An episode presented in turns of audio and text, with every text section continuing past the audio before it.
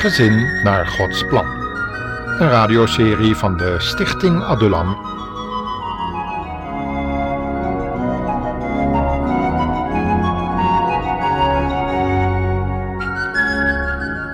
Welkom in onze radioserie Ja, kom binnen, Heer. Zo genoemd naar het boekje van uh, Annie Berends Kaardijk. U weet nog wel wat we de vorige keer hebben overdacht.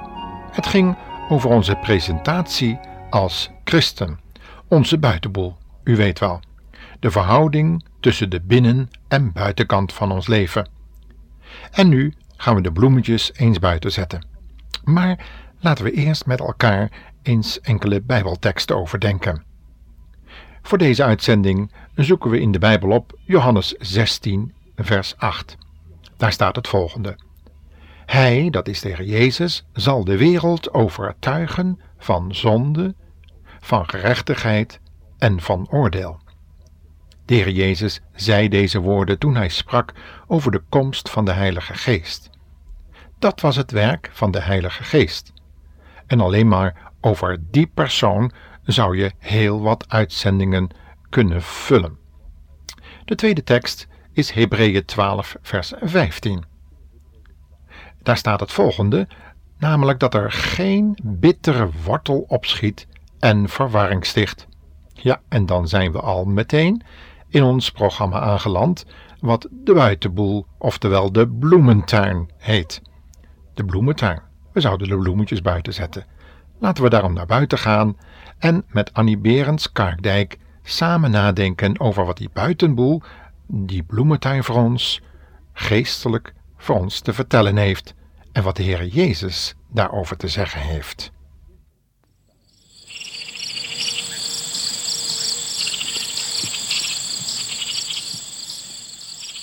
Nu ik toch bezig was met de buitenboel, ging ik, na de ramen van buiten gezien te hebben, meteen door naar mijn bloementuintje, want dat hoorde voor mijn gevoel bij de buitenboel. De heer liep ook mee naar het tuintje. Maar ik zei, och heer, u kunt gerust naar binnen gaan hoor, want hier heb u toch niks aan. Als ik geweten had wat ik daar zei. Maar de heer wandelde de tuin in en ik hoorde nog net dat hij zei. Wat een pracht van een tuin zeg, wat een zee van bloemen, wat een kleurencombinaties. Tjonge, wat ziet dat er schitterend uit. Ja, daar had hij gelijk in. Ik had een mooie bloementuin. Ik had er alles fantastisch bij staan. Ik kon tuinieren. En wat was ik trots dat ik ook wel wat goeds kon presteren. En ik werd zo blij in mezelf dat hij daar nu net doorwandelde. Ja, hij mocht er doorwandelen. Toen riep Heer me. Hij wees me liefdevol op dat wat er niet in hoorde, op het onkruid dat ik liet groeien. Zeg, zie je die drie staken daar? Kijk, ze groeien zelfs boven de bloemen uit. Maar heer, zei ik, ik ben nu toch bezig in de tuin. Ik ga het er allemaal uittrekken. Het zijn er maar drie. Ja, maar dat is het er nou juist. Zie je niet wat er gaat gebeuren als je die lange staken onkruid eruit gaat trekken? De wortels zitten er al helemaal vertakt, met de wortels van jouw bloemen. Je hebt ze het veel te ver laten groeien. En als je die staken eruit trekt, trek je de bloemen ernaast mee uit. Ja, dat is zo, antwoordde ik hem. Maar weet u, ik knip die staken precies boven de grond af. Dan zie je er niets meer van. Had ik me daar even mooi uitgered.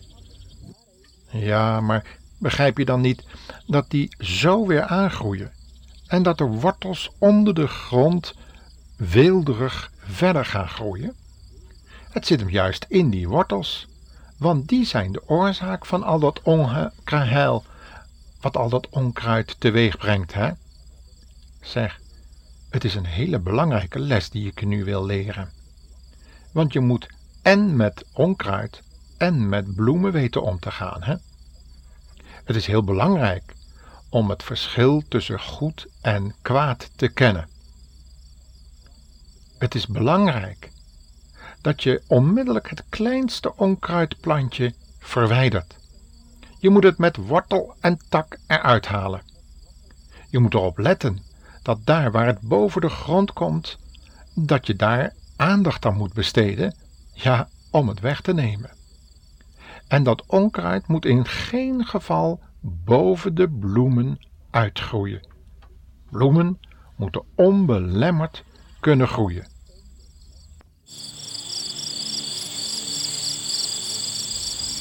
Wat een les leerde ik in dat uur van hem. Wat kan één zo'n staak onkruid in je leven al niet teweeg brengen? Zo'n onkruid is heel klein begonnen. Je zag het niet zo gauw en het groeide maar door. Denk er niet te licht over. Dat had ik wel gedaan. Want wat vond ik het in mijn eerste jaren van mijn huwelijk toch akelig dat ik zo'n grote mond had en direct klaar stond met mijn oordeel. In het begin deed ik nog wel mijn best om ermee te stoppen. Maar ach, het was zo moeilijk en het was toch een karakterfout, dacht ik. En langzaamaan dacht ik er helemaal niet meer aan. Daarna raakte ik er gewoon aan. En toen raakte het in het vergetenboek. En nu? Nu was het erger dan ooit tevoren. Ik had dit onkruidplantje in mijn leven weelderig laten tieren. Ook zag ik ineens die eerste keer dat ik bewust jokte. Wat schrok ik daarvan? En wat een last had ik ervan na die tijd? De tweede maal dat het gebeurde, vond ik het wel erg, maar last ervan? Nee. En langzaam begon ik te liegen kleine leugentjes die niet veel om handen hadden. Och, zo'n leugentje is gemakkelijk. En wie doet dat nou niet? Dat het zonde is, daar dacht ik nooit meer aan. En nu zie ik dat die grote staak van leugen in mijn leven, die het blije en mooie onderdrukt en alles wegdrukt uit mijn leven, eerlijk gezegd, mijn leven heeft overschaduwd.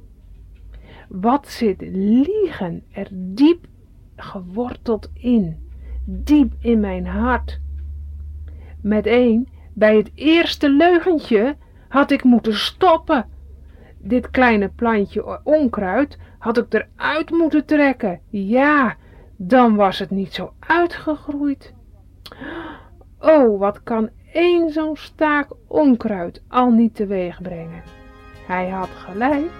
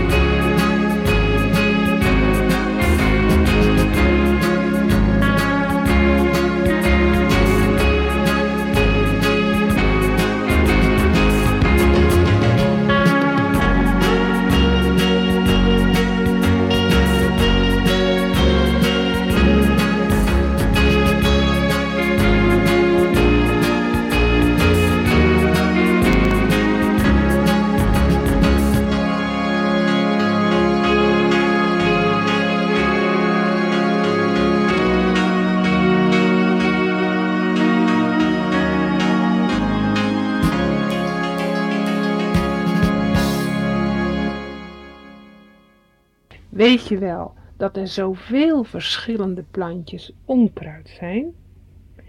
Weet je wat het akeligste soort is?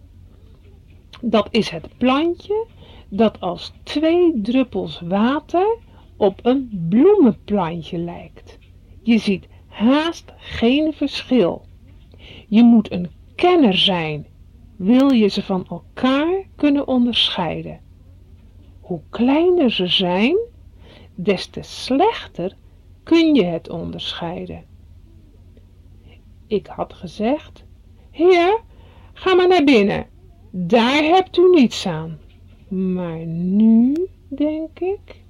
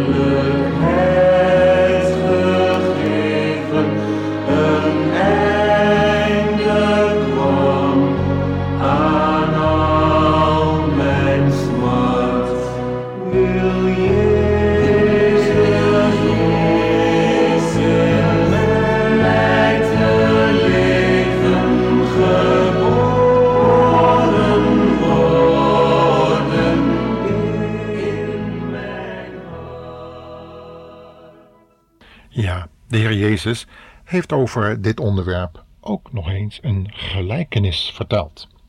We kunnen dat vinden in Matthäus 13, vers 24. Daar staat het volgende. De Heer Jezus vertelde daar: U kunt zich het koninkrijk van de hemelen zo voorstellen. Een boer zaaide goed graan op zijn land. Maar op een nacht, terwijl iedereen sliep, kwam zijn vijand en zaaide onkruid tussen het graan. Toen het graan begon te groeien, schoot ook het onkruid op. De knechten gingen naar de boer toe en zeiden: Het veld, wat we nou voor ons zien, daar is toch goed graan op gezaaid? Hoe kan het nu vol onkruid staan? Dat heeft een vijand gedaan, zei hij. Zullen wij dan het onkruid ertussen uittrekken? vroegen zij. Nee, antwoordde de boer, want dan trekken jullie het jonge graan ook ermee uit. Laat ze maar samen opgroeien tot de oogst. Dan zal ik tegen de maaiers zeggen dat zij eerst het onkruid bijeen moeten halen en verbranden. Daarna kunnen zij het graan in de schuur brengen.